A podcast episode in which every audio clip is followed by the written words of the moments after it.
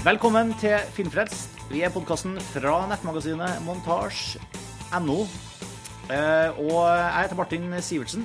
Jeg sitter her på Skype med, eh, fra venstre hjørne her, eh, Tor Joakim Haga.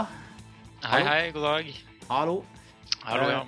Eh, og eh, montasjeredaktør Karsten Meinick. Hei, Martin. Hallo, hallo. God kveld. Og nå mista vi nettopp Sveinung. Skal vi se om vi får inn Sveinung. Sveinung, er du, er du med oss? Ja, jeg er med. I siste liten. Sveinung Vålerengen. Hallo, hallo. Hallo, ja. Ja, vi, er, vi har vært på, på kino det siste, vet jeg, gutta. Eh, Flere av oss har vært eh, flere ganger og sett samme, no, samme film. I hvert, hvert fall du, Karsten. Ja. Ja. Det, er, det er jo ikke en ubetydelig kinouke denne uken. Nei, og denne måneden, må vi kanskje si. Men Ja, denne måneden. eh, Men Ja. Det er jo eh, Peter Jackson som har vendt tilbake til eh, Midgard og, og Hobbiten. ja, det er jo ikke noe tvil om at det er julas store uh, film. Nei, det er det ingen tvil om, og det er vel heller ingen tvil om at uh, dette er uh, filmen som tar oss med tilbake til en verden som kanskje var en av de mest vellykkede både kommersielle og kunstneriske og på veldig mange måter nyskapende innenfor sin sjanger filmtrilogiene som er blitt laget på, på veldig lenge. Så etter 'Ringenes herre' så har jo på en måte det at de kanskje skulle lage en film av Hobbiten, og så da det ble konkret, blitt en av de store tingene som folk har gledet seg til. Da. Ikke bare spesielt interesserte, men det er jo filmer og et filmunivers som har eh, nådd veldig, veldig bredt ut. Og ikke bare et filmunivers, det er jo et eh, Altså, Tolkien har jo lagt grunnlaget for et univers, punktum, som er på en måte utgangspunktet for eh, for alt vi kjenner av Dungeons and Dragons og fantasy og Altså Absolutt, selvfølgelig. Men, eh, men jeg tenker at nå med Hobbiten så er det litt interessant å se at uh, da 'Ringenes herre' kom uh, i 2001, den første filmen, så handlet det veldig veldig mye om forventningene til hvordan Tolkiens litterære univers var blitt uh, adaptert.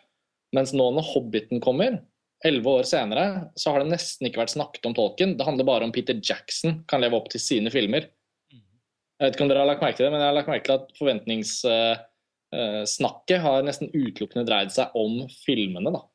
Eh, Det er ikke sånn at Tolkien-fans står på barrikadene for å beskytte hvordan Hobbiten skal bli tolket som film. Alle snakker bare om hvordan Peter Jackson kan eller ikke kan leve opp til de tre filmene han lagde ut av 'Ringenes herre'. Så det har, det har endret seg litt. Endret seg litt, men Det eneste de har eh, på en måte vært litt fokus på, er jo at han har lagd Eller at han skal lage tre filmer da, ut av den ene boken. Det har det vært litt sånn eh, debatt om, kan du si. Men eh, det jeg, Boken er jo Altså det er fullt mulig å lage tre filmer ut av den, så jeg egentlig ikke skjønner jeg ikke den logikken. Nei, den kritikken har jo vært nå før noen hadde sett noen ting. Altså, det har Ja. vært i etterkant òg, men uansett. Det har jo vært en veldig sånn stor tillit, i hvert fall innenfor fanmiljøet. så eh, Da 'Ringenes herre' ble som det ble, så har det vel vært ingen tvil om at Peter Jackson har nytt veldig stor tillit. Han er jo en av de virkelige husgudene. Um, så det var vel ingen tvil om at vi kom til å lage en episode av Filmfrelst om Hobbiten. Nei, og det er jo um, altså det, det, det er jo interessant å si om liksom Jeg, jeg, had, jeg satt veldig med inntrykket da de, den første Ringenes herre-trilogien kom, at det var sånn så utrolig med, med den eh, serien med filmer, eller med, med møte, når den første filmen kom. Det var på en måte hvilken sånn selvfølgelighet eh, det universet ble visualisert på, liksom. Hvordan jeg, jeg satt liksom Det var, er, det, var så lite motstand i det, følte jeg. Det var ja, selvfølgelig ser Hobbitun eh, sånn ut. Selvfølgelig eh, ser orkene sånn her ut. Altså, det er bare Mm. Jeg, jeg følte ikke noen grunn til å, til å liksom bestride det, da. Nei, jeg er veldig, veldig enig. Um, det var, og det har jo vært forsøk Altså, det har jo vært utallige, altså, både i filmformat før og sånn tegnefilmaktige ting. og altså, Det har jo vært avbilda masse fra, fra, de- fra Tolkien-universet, men, eh, men det var ikke noe sånn eh, det, det var heldigvis ikke sånn at den, den følelsen av at hei, det her er helt feil, den, den var ikke der, liksom. Nei, og det var jo Det er vel nesten utenom enhver tvil eh, og litt opplest og vedtatt nå at uh, 'Ringenes herre'-trilogien er en eh, moderne filmklassiker og, og har gjort vært en så innflytelsesrik del av nyere filmhistorie at på en måte den trilogiens uh, arv og suksess, det er på en måte nedfelt. Det er liksom ikke egentlig helt en diskusjon. Og så kan man diskutere om man faktisk setter pris på filmene eller ikke. Men den innflytelsen de har hatt, og hvor mye som har seilet på hva som ble etablert med 'Ringenes herre' siden den gang, det er i hvert fall ingen tvil om. da. Så da, Nå som 'Hobbiten' kommer, og det ble Peter Jackson som skulle regissere det, så, så er man tilbake og Veldig mange forventer jo at dette skal ligge på nøyaktig samme nivå. da. Og Der er jo det viktige, som Tor Joakim sier, at dette er tross alt en adaptasjon av én ganske liten barnebok. Når alt kommer til alt. Sånn at uh, det hviler jo enda egentlig, det hviler jo enda mer også på Peter Jackson. Da. Både forventningene og også at denne gangen så krever det at han, at han på en måte får enda mer ut av materialet. Med 'Ringenes herre' så var det jo så mye materiale at spenningen lå veldig mye på hvordan han klarte å koke ned det som var veldig fortettet i boken, og på sånne på, på, så mange forskjellige plan lykkes med det som opplevdes veldig komplekst hos Tolkien. Da. Nå skal ja. jeg, si at jeg, jeg, har aldri lest 'Ringenes herre', så jeg har aldri kunnet gjøre den sammenligningen, men dette er basert på, på ting jeg har forstått da, gjennom å sette meg veldig mye inn i den filmserien. Og så handler det veldig mye om å finne den riktige tonen også. Altså, Tonen i 'Hobbiten' og 'Ringenes herre' er ganske forskjellig. Så jeg har lest uh, alle bøkene, så jeg kan sammenligne litt. Ja. Så det, det, er, det, er, også en utfordring. ikke sant? Hvordan skal man videreføre eh, stilen og tonen fra 'Ringenes herre' inn i 'Hobbiten', som jo er en litt annen bok? ikke sant? Det er også en, en utfordring. Men, men, vi snakker, og likevel da, så snakker vi fortsatt om et prosjekt her på tre filmer på til sammen eh, ca. ni timer. Ja, det, er, det, er, ikke sannsynlig at de to neste filmene blir noe særlig kortere. Og denne, og denne første filmen er jo to timer og 40 minutter, var det vel. Men um, jeg er litt sånn nysgjerrig på hva slags forhold Jeg tenker det kan være interessant før vi begynner å snakke om opplevelsen vår av Hobbiten, så er det jo egentlig også litt interessant hva slags forhold vi faktisk har til originaltrilogien. da. Ja. For det spiller vel mye inn. Jeg vet ikke, Sveinung eksempel, er du Hvor fan er du, eller ikke fan? Uh, ja, for meg har de, de tre 'Ringenes herre'-filmene alltid vært veldig gode fantasyfilmer, uten at jeg har forelska meg fullstendig i det universet, gått veldig inn i det detaljert. Uh, jeg brukte også seks år på å lese 'Ringenes herre', uh, så det ble et prosjekt for å komme igjennom. men jeg likte boka, og jeg liker også filmene kjempegodt, så jeg hadde også store forventninger til Hobbiten, og, og syntes det var rett og slett bare veldig trivelig å kunne være tilbake igjen i det Tolkien-universet. da. Eh, så det er mitt forhold til, til det. Mm. Enn du, tror jeg, Joakim? Du har lest alle bøkene, sier du? Ja, ja, jeg har lest eh, bøkene. Jeg leste 'Hobbiten' først. Det er jo for så vidt riktig, sånn rent kronologisk også. Um, men jeg har ikke, det er liksom ikke sånn, altså, sånn Rent uh, språklig så er det kanskje ikke noe som jeg syns er så veldig fantastisk. altså Den har mye sånne liksom, sanger og uh, dikt nærmest, hvert fall i Hobbiten. Um, språk er ikke så veldig sånn levende og, og sånn syns jeg. Det er veldig sånn beskrivende og Men, men jeg syns ikke det er så mye spenst i det, da. Så, så det er fascinasjonen som jeg ligger nok mer i uh, mer i dette med det universet den tegner opp, og alle parallellene, parallellene den har til uh, annen type mytologi, da, ikke sant? med norrøn mytologi og kristendom og, og, sånne ting. Det syns jeg er ganske fascinerende. Mm. For min del er jo Jeg har liksom fått liksom fantasyverdenen inn med, med barneskøyer siden har vært på en måte sånn vært sånn involvert i, i, rollespill og fantasy og sånn siden jeg var sju. Um, og ikke, ikke, ikke, på sånn altså med god gammeldags sånn papir og blyant og terninger rollespill. Og da, og da, begynner man liksom med Jeg i hvert fall det, da, med, med, Dungeons and Dragons og de spillene satt i, i type verdener som, som er indirekte utleda på mange måter av, av tolken. Så, så jeg har jo litt sånn forhold til universet på en måte her. Jeg har også lest 'Ringenes herre'-trilogien. Jeg har ikke lest 'Hobbiten', uh, men, eh, men, hadde også syntes det var, det var stor stas. da. Jeg satt jo jeg, satt jeg husker jeg satt veldig pris Det begynner å bli flere tiår siden jeg leste 'Ringenes herre', faktisk, men jeg husker jeg satt veldig pris på den jeg skulle si det utvida formatet til tolken.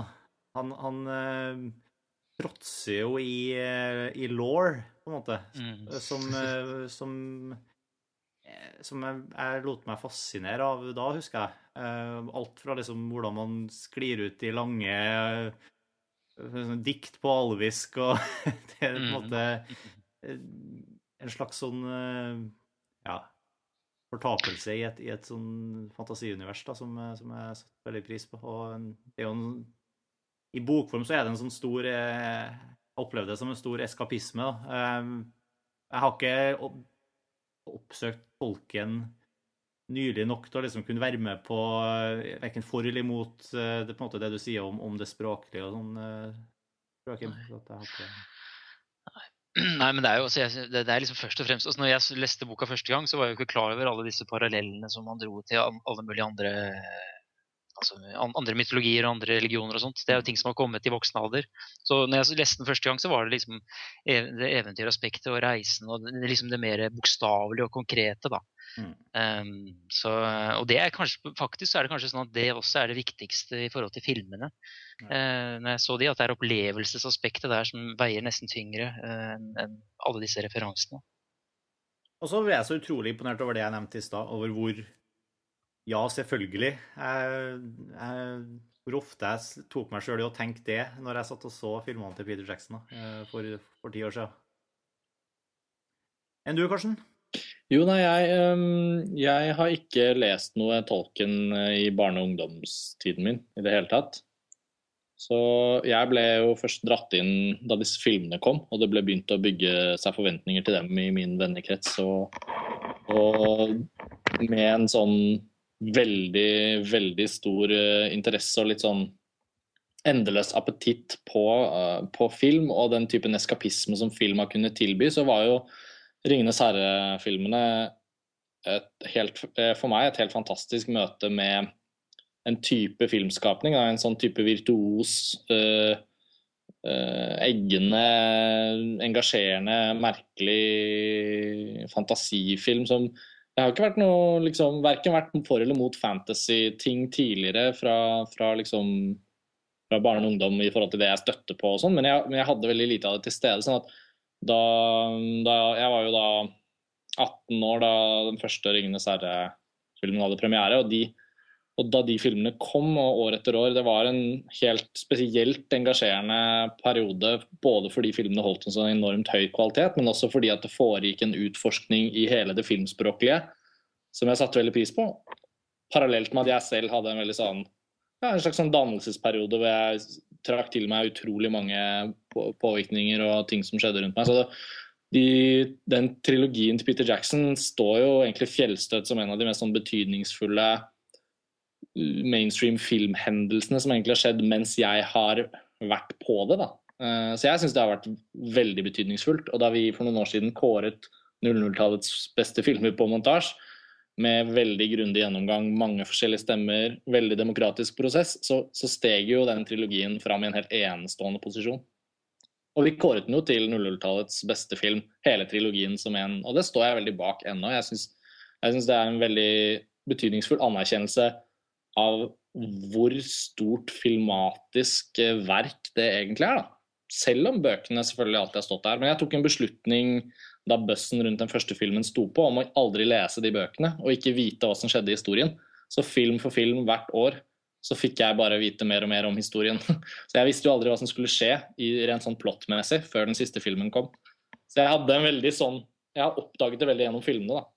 Mange år etter det så bestemte jeg meg for å lese 'Hobbiten' eh, hvis den kom til å bli film. Og det tok jo ikke mange dagene. Det var ikke en veldig krevende leseopplevelse. Men jeg syns det var en veldig søt og fin fortelling, som jeg selvfølgelig da hadde blitt godt kjent med gjennom prologen i 'Ringens brorskap', hvor, man, hvor det spoles tilbake og man ser hvordan Bilbo finner ringen eh, og Gollum mister den og sånn. Og så syns jeg den boken var helt søt og fin, og så har jeg jo fulgt med, da. Nå mens Hobbiten-filmene har eh, eh, Peter Jackson og kompani har forsøkt å få dem laget. Det var en veldig trøblete prosess, i motsetning til eh, med 'Ringenes herre'.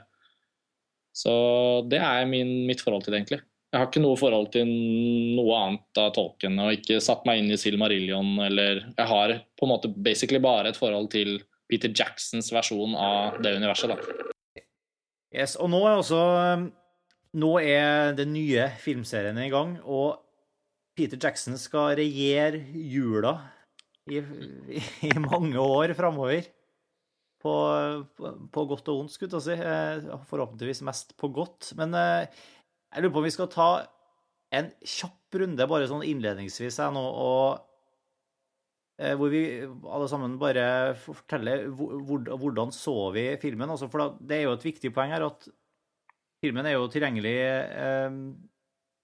ikke bare i 3D, men Peter Jackson og, og, og Wingnut har liksom innført et nytt slags kinoformat her med, med, med Hobbiten. Eh, og og, da, og der hovedpoenget er at du har en sånn, det som heter high, hva heter det, high framerate eh, 3D. Hvor du har Ja. dobla antall bilder i sekundet fra, fra 24 til, til 48. Og, eh, og da eh, gjort ting eh, og, og- det vil da føre til f.eks. at det, den 3D Et av ankepunktene mot 3D på kino generelt har vært at når du får mye bevegelse i bildet og mye kjappe kameraføringer, så, så har en ting en tendens til å hakke litt, og, og ting blir rett og slett vanskelig å følge med på, da, mens det skal den her økte frameraten forbedre. Um, og, det er også en eh, teknisk sett veldig interessant film, syns uh, i hvert fall jeg, etter å ha sett den i, i det formatet med Hobbiten. Og Eh, samtidig så er jo filmen også tilgjengelig i, i 2D og også i 3D, både med og uten den 48 bilder i sekundet-modusen. Litt avhengig av hva kinoen er utstyrt med av visningsutstyr og sånn. Så, så hvis vi kan bare ta runden og se liksom, hvordan så du filmen, og eh, hva er ditt sånn eh, en, en eller tosetnings uh, helhetsinntrykk før vi dykker inn i de juicy detaljene? så Sveinung, vi kan begynne med deg. Ja, jeg så uh, filmen i vanlig 3D. Det, det høres kanskje litt rart ut, egentlig. Fordi uh, man velger jo kanskje helst enten 2D eller den, det nye 3D-formatet. Men eh, som du sier, så er det ikke alle kinoer som har eh, eh, mulighet til å vise den eh, 48 frames-utgaven. Så, så jeg så den vanlige 3D-utgaven og syns faktisk at det så bra ut. Jeg, jeg pleier ikke å å være så glad i 3D, men kanskje det var en sånn placeboeffekt, fordi jeg har hørt, hørt så mye om eh, forbedringene og teknisk og sånn, men jeg, jeg syns eh, den vanlige 3D-en fungerte fint. da. Um, hadde ikke noe problemer med å, å fokusere i bildet eller ja. Eh, så egentlig et overraskende positivt inntrykk av det. Mm. Og utover det, av filmen generelt? eh, Eh, hva jeg syns om filmen. ja. Eh, ja, som jeg nevnte i stad, så syns jeg først og fremst det er veldig, veldig gøy å være tilbake i det Tolkien-universet. Eh, og visuelt sett så føltes filmen veldig som en forlengelse av Ringenes herre-filmene, syns jeg, på en god måte. Um, samtidig så, så føles filmen kanskje mer som første del av en større fortelling enn en, uh, den første filmen i Ringenes herre-trilogien uh, gjorde. Fortellingen er jo veldig mye enklere enn i 'Ringenes herre' også. Det er jo ikke den store kampen mellom det gode og det onde her. Da. Det, er, eh, det er dette følget med, med Bilbo og, og dvergene som skal gjenerobre Erebror, dvergeriket. Og ja, som, jeg syns kanskje det som skjer underveis i denne første filmen, tidvis føltes ganske lite tilknytta til reisens mål, uten at det egentlig gjorde så mye. Um, det blir mer en slags observasjon. Um, og ja, jeg tror Jeg vet ikke. Den innfridde forventningene. Samtidig så så jeg kanskje ikke helt den der storheten som jeg, som jeg tenker på når jeg, når jeg tenker tilbake på 'Ringenes herre'-filmene. Jeg, jeg syns det er litt vanskelig å vurdere filmen alene, da. Um, vente liksom i spenning på de to neste og se hvordan det her utvikler seg. Mm. Vet vi nå helt uh, endelig når de to neste filmene er planlagt? Ja Altså, det, det er jo julefilmer vi snakker om. Ja. Nei, igjen. det er- ja. Den neste er eh, på samme tid. Eller er det en som kommer til Mm. sommeren? Ja, nettopp. Den neste den kommer til jul, altså om et år. Ja. Den siste tredje den kommer bare et halvt år etter det. Så den Ja, sånn kommer er det. Mm. sommeren 2000 og hva blir det? 14. Mm. Mm. Ja. Riktig. Ja, enn en du, Tor Joakim? Ja, jeg så den jo da i 3D og 48 frames per second. Jeg var litt opptatt av det at jeg ville altså, Førsteinntrykket skulle være maksimal uh, opplevelse. Uh, uh, det var liksom min, min innfallsvinkel der. Og det, for å si det sånn, så er det rett og slett den største audiovisuelle filmopplevelsen jeg har hatt siden Avatar. Altså. helt, helt fantastisk. Altså, det var i starten så tenker man litt over, for det er så sylskarpt, så du tenker litt over, eh, over hvor sylskarpt det er. Men så er altså all, altså, sminke og effekter og alt er så velgjort at det blir ikke, det blir ikke for tydelig. Det, det, det, var jo liksom en risiko at man liksom så hvordan sminken var laget og alt sånt. Mm. Så, eh, så, jeg ble helt, eh, helt, slått ut av hvor bra det var. Når det gjelder filmen som sådan så, så, likte jeg den også meget godt. Eh, det er noen eh, sekvenser som kanskje føltes ut som litt sånn tonebrudd, da, eller stilbrudd. Det kan vi komme litt inn på seinere. Eh, mm. Spesielt disse elementene med Radagast Brown og sånne ting. Men jeg, jeg, var tilbake igjen, altså. Det, det, og det var så deilig å se de samme visuelle grepene. Se Rivendell på, eh, lyssatt på samme måte. Howard Shores eh, ledetemaer brukt og etableres. Eh, og, fantastiske Vistashots osv. Så, videre. så Og med den krystallklare kvaliteten så var jeg bang midt inne i uh, Tolkiens univers på en helt annen måte enn jeg faktisk har vært før, følte jeg. Veldig artig å høre. Ja, det er morsomt å høre. Ja, enn du, du, Karsten? Ja, eh, jeg holdt på å si det er jo litt et ledende spørsmål, for jeg har jo varslet at dette har vært litt et, eh, litt et sånt eh, punkt for meg. Jeg, jeg, jeg, har tenkt mye frem og tilbake, og det har vært mange å diskutere med også. at uh, hva, hva gjør man med disse forbannede forventningene, på en måte? Jeg, vil jo ikke ha for høye forventninger heller, og jeg, jeg er som regel ganske god til å styre forventningene mine. Jeg kan alltids tilpasse meg. Og jeg har det sånn, jeg har, jeg har så velmenende Jeg tror alle vi deler det, da, men i hvert fall jeg personlig i forhold til mange kamerater og sånn. Jeg har et veldig velmenende fyllhjerte, Jeg vil at alle filmer skal være så bra, så jeg håper alltid på det beste. Uansett, egentlig. Og det trives jeg for så vidt med, men her hadde jeg jo mine egne forventninger å kjempe med. Og denne teknologien Jeg har, har veldig, sånn, veldig problemer med sånn 100 hertz-TV-er disse flatskjermene som er innstilt for sånn best mulig sportssendinger og sånn, hvor alt går sånn silkemykt og superskarpt. Uh, veldig mange slår ikke av den uh, funksjonen på TV-en sin. Så når de ser på film, av og til når jeg kommer og ser film hos andre, så ser jeg liksom at, at bildene på en film som jeg kjenner som film, har skiftet uttrykk fordi den nå vises på en sånn TV hvor TV-ens teknologi erstatter Legger inn et bilde mellom hvert bilde, sånn at det blir sånn altfor glatt. Du har sikkert sett det på flatskjermen når du er i en sånn TV-butikk. Så ser man, hvis de viser en film, så er det gjerne feil, et eller annet feil med bildet. Og da har jeg merket at jeg kanskje har en sterkere reaksjon på enn mange andre jeg kjenner. Og da har jeg vært veldig redd for at denne 48 frames per second eh, er litt opp den leia der. Uh, så det, det, lå til grunn for mine litt sånn ja, Våkenetter er feil ord, for det har ikke vært så alvorlig. Men jeg har vurdert veldig hvordan skal jeg se Hobbiten for aller første gang. Og da falt jeg til slutt ned på, etter eh, de første uh, reaksjonene fra en, eh, et knippe amerikanske filmkritikere som jeg setter min lit til, så forsto jeg det sånn at den teknologien Det var en stor risiko for at den kom i veien for uh, opplevelsen. Da, ved første gjennomsyn, vel å merke. Ikke nødvendigvis når man ser den igjen. Uh, så da besluttet jeg å, å se filmen først i 2D Akkurat sånn som 'Ringenes herre'-trilogien har vært, selvfølgelig. For der var det jo ikke noe valgmulighet. Og så bestemte jeg meg for å gå og se den i 3D eh, med high frame rate rett etterpå. Så jeg så filmen to ganger back to back. Eh, først i 2D, og så i 3D high frame rate. På samme dag? Med en liten matpause innimellom, kanskje? Ja. Sang på en sånn crispy chicken fra Burger King midt imellom. Men eh, for å føye meg til Tor Joakim, jeg syns det var en eh, Altså, det var helt plettfri første gjennomsyn for meg. Det var glimrende å se den i 2D. Jeg savnet verken 3D eller Jeg tenkte, ikke på, jeg tenkte heldigvis ikke på teknologi i det hele tatt. Jeg var tilbake i Midgard, og jeg syns jeg syns jeg, jeg kom rett inn i filmen, og høy lyd, fantastisk musikk, alt var som det gamle. Og, og så kicka det eventyret inn ganske umiddelbart.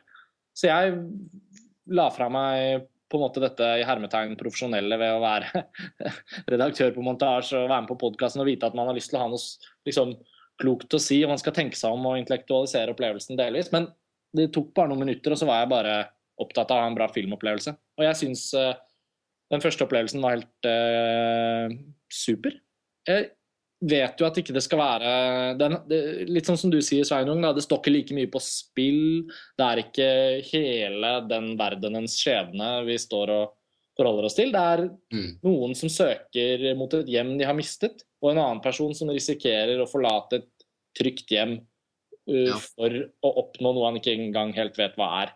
Og det, denne tematikken og hvordan den, denne filmen sto jo i veldig stor fare for å bli stående litt som et sånt uforløst første kapittel.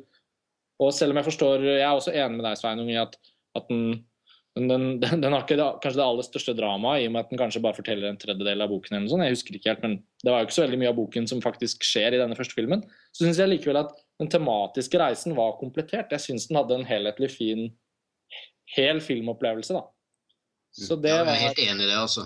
Ja, Bare for ja. å slå det fast. Mm. Ja, og ikke sant? Men, men, det er likevel verdt å merke seg da at de har brukt så lite av boken, og da er det andre ting de har gjort, og det kan vi komme mer inn på. Men det ble min første opplevelse, at jeg var veldig tilfredsstilt av filmen. Eh, så fort man setter den opp mot 'Ringenes herre', så er det masse å diskutere, og, og det er visse ting som ikke er i tilstrekkelig like stor eh, grad Altså det er ikke så imponerende eller så virtuost som det var i 'Ringenes herre'. Men sammenlignet med nesten alt annet som lages av film i den sjangeren, så var den jo Eh, på sitt vis like enestående som det 'Ringenes herre' var da, da, den kom. Da. Så kort fortalt så var jeg bare veldig fornøyd. Og Så kan jeg heller komme mer inn på da hvordan dette andre gjennomsynet var og sånn etter hvert som vi går inn i det. Hva med deg, Martin? Jo, jeg, jeg så jo den i 3D 48 frames, eh, og jeg tenkte, i, i motsetning til deg, som du, du så jo i 2D første gang, men jeg, jeg tenkte ganske mye på teknologi da jeg så filmen. og ikke først og fremst fordi at jeg var så forberedt innstilt på å gjøre det idet jeg gikk inn i filmen, men det var en så såpass spesiell og uvant kinoopplevelse. Mm. Eh, og eh, jeg, i likhet med Tor Joakim, ble overvelda over hvor, uh, hvor bra jeg syntes det var. Hvor utrolig um, Altså, jeg har aldri sett så flotte, crispe, utrolig detaljerte, skarpe gode bilder liksom, i en sånn fullstendig skapt verden. da. Eh, eh, kanskje siden Avatar og, og selv um, Mens liksom, det er et eller annet med 'Ringenes herre' som har enda mer sånn um, um, ekthetsfølelse enn en, en Avatar hadde, kanskje. Ja, fordi at Avatar var i en mye mer fullstendig digital verden. Her ja. er det faktisk fremdeles veldig mye praktiske sett og natur og alle de tingene. Ikke sant? Så, så jeg var veldig i på ene siden sitter jeg og føler at jeg ser på en sånn superhøyoppløselig Discovery Channel naturdokumentar, for det er jo så mye fantastiske landskapsbilder og, og naturskildringer og sånn i, i ja. Hobbiten. Ja. Uh, samtidig som jeg sitter jeg føler at jeg ser på en slags sånn Blåfjell eh, studioproduksjon, fordi det er, enk, det er enkelt Noe av de her kuliss... Du får litt sånn kulissepreg. Det har noe med den her skarpheten som gjør at det, jeg føler at det er litt i sånn TV-verden. Men det gikk, det gikk, over etter en stund, da, eh, når jeg liksom ble litt vant til det. Mm. Og jeg, jeg, klarer ikke å Jeg har ikke lyst til å kritisere Altså, jeg tror mange vil møte filmen her og føle at det er uvant, og kanskje misse noen og Vi har sett i forum, eh, i kommentarfeltene på montasje allerede, at folk reagerer veldig forskjellig på å bli presentert for de her bildene.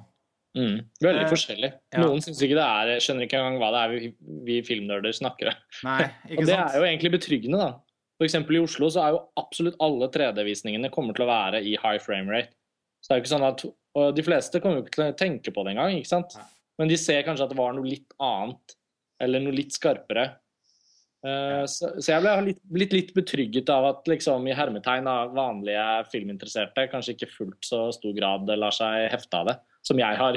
Jeg har tenkt ganske mye på det i forkant. Eh, kanskje overdrevent mye. Ja, jeg har ikke tenkt så mye på det, men det var, men det var Jeg visste jo at det var der. Og altså, i, kanskje ubevisst, un, underbevisst så var jeg forberedt på det på en eller annen måte. Men det prega veldig mye av min opplevelse av å se denne filmen. At ja. det var en så jeg følte liksom at det er et slags lite sånn miniparadigmeskifte innen filmopplevelse på kino, eh, som, som jeg virkelig tok innover og brukt Jeg var veld, brukt veldig mye av si, fokusen min på å ta innover meg det, da. Um, fordi Og det, det, er jo det er såpass mye imponerende Det er en del sånne skikkelig imponerende scener i filmen her, synes jeg, som, mm. som står ut som sånne rene eh, og, og, da særlig noen av action, liksom action med de orkescenene. Og, altså det, det, er en del sånne ting her som er utrolig imponerende, som sånn frittstående setpieces som dette, som jeg virkelig sugde inntil meg. Og eh, det gjør også at jeg kanskje sitter igjen med på, en, på den andre siden har jeg litt sånn eh, mer avmålt i forhold til hvor mye jeg syns jeg fikk ut av filmen sånn dramatisk som en helhetlig uh, fortelling. Og, og jeg, føler også at jeg satt på en måte og eh, en sånn fortellermessig litt sånn Fellowship of the Ring igjen jeg, jeg, satt litt med, jeg, jeg følte at den ligna ganske mye på den første Ringenes-seriefilmen i, i oppbygning og, og, og, og, filmopplevelse sånn sett som fortelling. at jeg følte at jeg, Du besøker jo mange av de samme lokasjonene, det er mye av den samme oppbygginga. og du, du, Den er jo kanskje enda tre, den er veldig treg også, egentlig, i hvert fall du bruker liksom en time på, på, dverger som spiser mat og synger sanger. og sånn i starten. Det er så bra, den scenen der. Ja, må jeg diskutere etterpå. jo, men, jo, men det, liksom, det, det, gjør at jeg, jeg, er litt mindre sånn imponert over filmen som helhet, men jeg er veldig imponert over kinoopplevelsen. Jeg blir virkelig overvelda av det. Og, og, ja. Ja, og så føler jeg også at Peter Jackson gjør det som jeg også samtidig da, gjør det som jeg liker ved, også ved Tolkien, at han fråtser veldig i verdenen. Og, ja, og det, det, er på en måte også veldig flott å se. Så, men jeg er veldig fornøyd med, med Hobbiten. Uh, da er jo vi alle fire er egentlig ganske fornøyde, da. Ja. Ja. Alle liker filmen i en viss grad, men kanskje vi liker det også av litt forskjellige grunner. Altså, og Du nevnte noe interessant der, Martin, med, med, det at de returnerer til de samme stedene. Altså, ja, vi returnerer til Rivendell f.eks., men nå kan du liksom føle fjellet. Du ser detaljene i fjellet. Du kan ta hånda ut nærmest i fossen som renner ned. Altså Det er en mye, mye mye større nærhet da, til de forskjellige stedene som du allerede kjenner fra, fra de forrige filmene. Det, det føles som Beach måtte bare tatt med seg kameracrewet og besøkte stedet en gang til, men med enda bedre utstyr. Ja, ja, faktisk. Ja, men jeg syns jo det er veldig fascinerende. Jeg er veldig enig i å bruke Rivendale eller Kløvendal da, som et eksempel. For det, det slo meg faktisk at jeg syns altså, måten vi ankommer Kløvendal på i Hobbiten, var nesten mer sånn uh, Det var nesten så jeg følte su, det der suset og det derre wow, for et mm. syn. Det var nesten sterkere i denne filmen enn det var i Ringens brorskap. Ja, det syns jeg også. helt klart. Så jeg synes Det var liksom interessant også å tenke på liksom hvordan de bare dumper på en måte Gandalf vet jo hva de skal, da, men de liksom bokstavelig talt ruller ned en hule, og så plutselig så er de, er de i Kløvendal. Og det, og det møtet med alvene der, og, og, hvordan han dvergen som er litt sånn, har litt problemer med at alvene ikke stilte opp den gangen. og, og liksom, sånn, Den liksom fine, dramatiske spenningen, og så det at vi får møte igjen våre gamle venner fra Ringenes herre-trilogien med Galadriel. og liksom, bare, hele den, Det var sånn derre veldig deilig, men også at det var ikke en sånn reprise av nøyaktig det samme som vi fikk det første gangen. Da. Det var liksom en ny variant. Altså, var, de, de, brukte jo samme sånn solnedgang, lyssetting og en del sånne elementer, men ja. det føltes mye, mer, mye, mye nærmere da, pga. denne ja. krystallklare kvaliteten. Og akkurat det der med, uh, Apropos dette med at de kommer tilbake til steder, og at filmen for så vidt den, den, den speiler jo Ringens brorskap ganske mye. Det er jeg enig i, Martin. At den, den, ligner ganske mye på det første kapitlet fra 'Ringenes herre', men, men, på en fin måte. Jeg tenkte på det flere ganger at om 15 år, da, når en eller annen uh, person som er 10-11 år da, får lov til å se Hobbiten-filmene og 'Ringenes herre'-filmene i ett, så tenker jeg at uh, etter å ha sett denne første Hobbiten-filmen, og så komme til 'Ringens brorskap' uh, noen filmer senere, så er det det er en genuin tilhørighet. Det er helt Alt hører, hører med hverandre. Og, og, det at det var så godt gjennomført, ble jeg litt sånn rørt av i seg selv. Jeg tenker sånn wow. Bare sånn filmhistorisk sett. Tenk at disse seks filmene nå kommer til å være Når alt kommer til alt såpass bra, da, så kommer det til å være en progresjon fordi ting, end, ting står enda mer på spill i 'Ringenes herre'. ting blir mørkere og enda mer dramatisk. Eh, alt det der syns jeg var veldig Det var en av de tingene jeg ble mest glad for at fungerte så bra. Mhm. Vi, Men- altså, vi, vi- vi snakker jo om prequels, så det er jo naturlig å liksom eh, puste letta ut og se at eh, det er ikke en ny Star Wars-situasjon her, liksom. Altså, det er noen onde tunger som har dratt en sammenligning med Phantom Menace, men det syns jeg er helt Ja, nei, det blir helt feil. Nå liker jo jeg de Star Wars-prequelene litt, da. Men det er en annen diskusjon. Ja. ja, men jeg syns sammenligningen uansett er eh, litt sånn meningsløs. Ja. Enig. Jeg, jeg tror jeg avbrøt deg, Kim. Min Nei, det var bare det, det, det, var, det, var sånn, det kunne vært en sånn fin overgang følte jeg til å snakke om, eh, om den, den starten som jeg nevnte så vidt i stad. Dette med, dette med og, Jeg tror det var Karsten som nevnte dette med at man nå følte at man var tilbake. liksom Den betryggende følelsen av å være tilbake til stedet man kjenner. Mm. Og, og, og det, var noe, det var noe som jeg hadde hatt veldig lyst på i, Som jeg hadde veldig lyst til i de første, tre første filmene. Det var å dvele mer ved, dvele mer ved uh, The Shire, altså hjemstedet til eh, Bilbo. Da, og utforske mer av huset hans og de forskjellige rommene. eh, alt dette her, og det får du altså til, eh, til gagns altså, i, i Hobbiten. og det, Jeg er så glad for den, den, den første sekvensen. Men noen mener selvfølgelig at den, eh, den trekker ut altfor lenge, og at det er litt mye sånn dvergehumor og sånne ting. Det, det, det har jeg registrert at det har vært en del kritikk. Men jeg likte den veldig godt. Ja, den er lang. Jeg syns også det- er en del sånne Altså, han Det er på smertegrensa, føler jeg, eh, en del sånne lange sekvenser. Den, blant annet, og det er også en veldig lang sekvens med Gollum i, midt i filmen. Som, Som Så også den var lang. Ja Det kunne jeg ikke få nok av. Jeg syns det var helt fantastisk. Ja, var, Ja. Den, den karakterdynamikken der mellom de to var jo kjempe Det var jo nesten en liten film, film i seg selv, følte Ja. jeg. Ja, Ja, men, ja, men det er på en måte Det, det er helt Jeg syns det er helt eh, Men det, jeg skjønner at det, det er ganske vågalt, da, å ha sånne Ja, det, det er på smertegrensa, som jeg ser. Ja. Ja. Men Nei, jeg syns jo ikke det, den smertegrensa der plager meg ikke særlig mye. Um, men jeg syns jo at um, jeg synes jo at lengden her For meg personlig er ikke lengden på filmen noe problem. Jeg ble faktisk veldig overrasket over hvor fort det faktisk gikk. Rent sånn fremdriftsmessig syns jeg den var overraskende effektiv. Jeg hadde faktisk tenkt at den kom til å være mye slappere og mye teitere. Dvergene, eksempel, hadde jeg forestilt meg at fordi i boken er de ganske eh, Jeg syns de var på en måte mer eh, De var mer disiplinert skildret i filmene enn eh, Eller i filmen, da. Litt mer nyansert. Ja, og det var liksom sånn Han hadde gjort noen valg. Det er et par av dvergene vi, vi blir ordentlig kjent med. Mm. Og de betyr noe, og de er ned, med i prologen. Og de, de blir liksom ordentlig befestet. Og så er de andre mer som en enhet i seg selv. Jeg synes det var ganske befriende at de ni-åtte dvergene som knapt kan skilles fra hverandre, de var som en eneste bylt dverg som bare rullet rundt. Og det, og det, det syns jeg var helt greit. Bokstavelig talt, han ene er jo som en liten ball. Ja.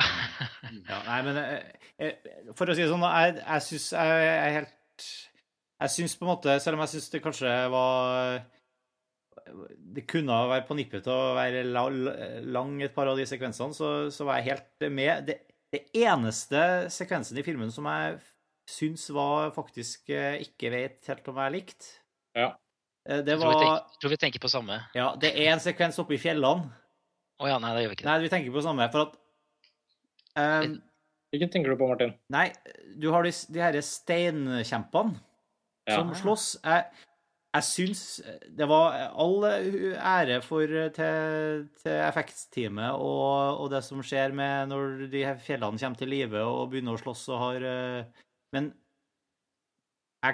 jeg, hadde litt problemer for å, for å Altså, jeg, jeg bare De her steinkjempene som, som slåss Jeg følte liksom at det var veldig sånn innskuddssekvens, da. Jeg, jeg følte ikke at, eh, at det eh, fløyt så godt sammen med, med resten av det som skjedde. I, altså, jeg følte ikke at det hadde Jeg følte at det var på en måte at det ikke helt hørte hjem da, i den historien som jeg var, var inne i akkurat da. Den var ikke helt bygd opp uh, ordentlig. Altså det, det, var noe ras litt først, og så bang, så er det i gang. Altså det Der skulle jeg gjerne hatt en halvtime ekstra med mytologi om steinkjemper og, jo, jo, og altså, levende fjell og sånn, før jeg var med på den sekvensen. da. Ja. Men de sier jo snakker om det òg. Er det virkelig sant at, at disse eksisterer fra mytologien? Hvorfor kunne du ikke ha hatt litt oppbygging til, eh, til, til det, da, istedenfor bare å kastes ut i det? Ikke sant? Det var, kjempe, det var, kjempekule effekter. Det var veldig dramatisk og, og flott. Jeg bare Å ja, plutselig er det noe levende fjell og tjo og hei. Ja. Der er det jo veldig, veldig, veldig sammenlignbart med en sekvens i Ringens brorskap som er uh, betydelig mer dramatisk ladet og på alle mulige måter skaper et reelt uh, engasjement i situasjonen. Og det er jo når, når uh, brorskapet kommer til Karadras. Gandalf, Gandalf unngår å gå gjennom Moria. Mm. Og så blir jo dette snøraset forårsaket av Saruman, og så får man denne fantastiske kryssklippingen hvor kameraet bare sånn skyter gjennom himmelen og kommer til Eh, der hvor Saruman står og roper sine forbannelser inn i himmelen. og Så kommer han tilbake igjen, og så må Frodo til slutt ta det valget. ikke sant? Let the ring bearer decide, og så sier han we should go through the mines. Da er det jo Alt som skjer på den fjellkanten, er jo dramatisert i så effektiv grad, pluss mytologisert ved at man knytter inn trollmannen og disse forbannelsene. Alt bare buldrer frem, på en måte. Og det, Jeg er helt enig med deg, Martin, at det plaget meg ikke sånn helhetlig sett, men når man først skal begynne å diskutere hvordan filmen er konstruert, så er det overraskende at ikke Jackson, nettopp når han er så villig til å mytologisere og bruke tid på å la folk fortelle hverandre historier i selve historien som vi blir fortalt, så undrer det meg at når han først har den replikken, så det er sant at uh, fjellet er levende. Få høre den myten, da. Ja. ja, ikke sant? Hvorfor får vi ikke være med på det? Og, og, og det undrer meg også da at ikke det er en at ikke Og der syns jeg Jackson tidligere han har vært god til å Sånn som jeg har skjønt det, så har jo de forfattet en del oppå det kildematerialet. Altså de har utbrodert ting og plukket og vært ganske gode til å liksom skape en ny salat da, av, av Tolkiens ingredienser. Men den steinkjempebiten ble akkurat som du sier, altså den ble hengende som en litt sånn derre Adhoc. Ja, og man kan ikke unngå å bli fordi, Og så blir det jo sånn typisk sånn nesten sånn Hitchcockiansk Han henger eh, langs kanten, og så må de redde hverandre, og kamera opp, og så blir det jo liksom Så blir det jo spennende. Men, men, ikke fordi det faktisk er spennende, men mer fordi at det er umulig å ikke bry seg når eh, hovedpersonen henger fra kanten av en eh, steinkløft, liksom. Mm. Så der er det jo et stort forbedringspotensial. Og det er jo sånne sekvenser underveis i Hobbiten ikke fordi de er så veldig dårlige. Jeg synes det var veldig lite, nesten ingenting i filmen som var direkte dårlig. Men det var ting som ikke var tilstrekkelig bra for å f.eks. kunne leve opp til 'Ringenes herre'. da. Og dette sier jeg med utgangspunkt i at jeg syns 'Hobbiten' var helt strålende. Ja, ja. Og, det, Den var helt dårlig. Jeg er helt liksom enig at den var ikke forferdelig. eller noe sånt. Jeg bare jeg er ganske sikker på at filmen også kunne ha fungert fullstendig godt uten den sekvensen. da. Eh, kunne ha, de kunne ha lagt seg i en hule i fjellet og ramla ned i orkefabrikken ja, og sånt. Jeg har tenkt at man kunne foreslått noe enda mer radikalt. Eh, etter Nå tenker jeg også litt som sånn klipper og tenker på effektive ting og sånn. Når Bilbo da føler at han ikke er ønsket, og bestemmer seg for å dra, da skulle jeg ønske at istedenfor at hele gruppen med dverger uh, faller ned i den lemmen og liksom introduserer altså sånn, Alt det der orkegreiene. Det hadde vært mer, etter mitt syn, mer naturlig å da la Bilbo gå, og at Bilbo faller ned i en sånn luke. Og selv ender opp nede hos Gollum, at vi følger den tråden, og at han blir i større grad dramatisert på egen hånd. Han har forlatt uh, dvergene, men han har også falt ned i en luke og havnet nede i en hule hos en fyr med en ring. og det er liksom hvis det kunne isolert eh, Bilbo mer Litt sånn Frodo-aktig? Ja, så kunne man Dette ville jo vært veldig dramatisk, da, men så kunne man fjernet hele den For jeg har litt problemer med han goblin-kongen som snakker på skotsk. Han med den derre dobbelttaken, han har jeg litt problemer med. Men han var jo, han var jo en så kul figur. Ah, sånn, sånn te teknisk sett så ble jeg veldig imponert over hele ja, det sant, ja. alt, det alt, det som skjedde i det goblehula eh, I det orkehula her. ja. Eller hva det er for noe? Goblin King, eller hva han heter for noe. Som, jeg, jeg, ble så sykt imponert over alt det som skjedde nedi der, selv om jeg egentlig ikke var sånn Jeg er helt enig, jeg er ikke sånn, ikke sånn veldig revet med av det sånn rent dramatisk, men jeg, det var så utrolig imponerende å se hva han hadde klart å stelle i stand. Det var litt sånn Indiana Jones-aktig stemning. Litt, ja. litt, litt, men det var mest fornøyelsespark. Og jeg tenker at Hvis du dramatisk sett hadde bare klippet vekk alt det, og når da Bilbo kommer og forsøker å finne vei ut, og bestemmer seg for ikke å ta livet av Gollum, men la han leve, at det er der vi møter igjen dvergene og Gandalf. At de bare kommer der, og så bare Oi! De kommer jo der. Ja, jeg vet, men da jeg bare sånn Jeg sier ikke at det er sånn jeg ville Jeg, jeg, jeg vil jo mye heller ha alt flesket, og det er morsomt å være med på nedi orke bla, bla, bla der. Men rent sånn dramatisk, og det er jo der jeg mener at filmen den, den, den bruker heller tid på å bare hygge seg i hele universet enn å være en sånn spesielt dram Det er jo ikke sånn at man føler at no, nesten noen ting står på spill. Og det er helt greit. Jeg mener ikke egentlig det som en kritikk av filmen, for jeg hygger meg så veldig med filmen. Men det er lett å se at, at når filmen bruker da gode 20-25 minutter på at uh, disse dvergene bare løper rundt i de broene og sverder seg løs. og Jeg klarer jo nesten ikke å skille noen ting fra noe. Alt er brunt og gult. Da hadde det på en måte vært mer naturlig å bli ved Bilbo, som tross alt er filmens hovedperson. Da. Det er bare poenget mitt. Jeg er ikke egentlig en så veldig kritikk, for jeg har hygget meg med alt sammen, men jeg tror det hadde vært mer ja, det, det, dramatiske som hele tiden sto på spill i både 'Ringens brorskap' og de to andre filmene, det hadde også vært mulig å forsterke enda mer i 'Hobbiten'. Og det er jo det er vel hovedårsaken til at jeg nå Jeg vil anta at nå Hobbiten-trilogien vil utvikle seg til å være en lillebror til 'Ringenes herre'. Ikke, både, ikke bare liksom i scope, men også i kvalitet. da. Ja, for jeg, for jeg merker at ja, for den helhetlige, liksom, den overhengende historien jeg jeg meg ganske lite om. Jeg, jeg klarer nesten ikke å gjenfortelle engang hva det egentlig handler om. det her med altså, Nå er det 60 år siden de var der, og det er noen fugler som har kommet tilbake, så tror de kanskje at dragen er borte, eller skal jeg prøve å finne en bakdør inn til Altså, det Alt det der var på en måte ikke så veldig viktig, da. Altså, da Nei med det sagt så tenker jeg at det som er fantastisk, er at de da, på tross av at kanskje ikke um, dramatiseringen av hovedpersonens eventyr og dvergenes uh, behov for det og det og det ikke kommer så tydelig frem i denne første filmen, så er det jo utrolig at uh, filmen er så uh, fortryllende å være med på da er det jo nettopp disse sekvensene, disse stedene og alle disse miljøene og mytologiseringen. Alt det er jo så rikholdig at man er mer enn underholdt. I hvert fall var jeg det. Også ved andre gjennomsyn. Men, men mer enn Ja. Mm. Men jeg syns mer, mer, Ja, unnskyld. Nei, jeg, jeg tenkte bare Jeg syns tonen i filmen settes veldig også, selv om fortellinga kanskje At man kan diskutere at den halter litt underveis og sånn, så syns jeg tonen settes veldig med den der fortellinga om den den der litt eh, flamboyante dvergen som blir litt for glad i gull. Og alt som liksom Ja, alt som blir satt i gang der i starten, det liksom gjør at jeg tenker OK, nå er jeg med. Eh, og, så, og, så, får det heller være på en måte da, at det, det er litt sånne uklarheter med ja, disse fuglene, f.eks. Mm. Men, men, jeg syns mer, mer, enn en sånn dramaturgiske ting, det reagerte ikke jeg på egentlig i det hele tatt. Så det, det, eneste jeg reagerte litt på, det nevnte jeg også i stad, det var lite grann sånn toneforvirring, syns jeg. Og det var, det var denne, disse sekvensene med når vi først er på detaljnivå, altså disse sekvensene med, med Radagast the Brown, denne, denne, trollmannen som bor i skogen og, og spiser sopp, bokstavelig talt. ja. Hvor mye? og, og, men der ble det litt mye eh, Disney, litt sånn Alice in Wonderland-aktige elementer. Jeg vet hva de ville.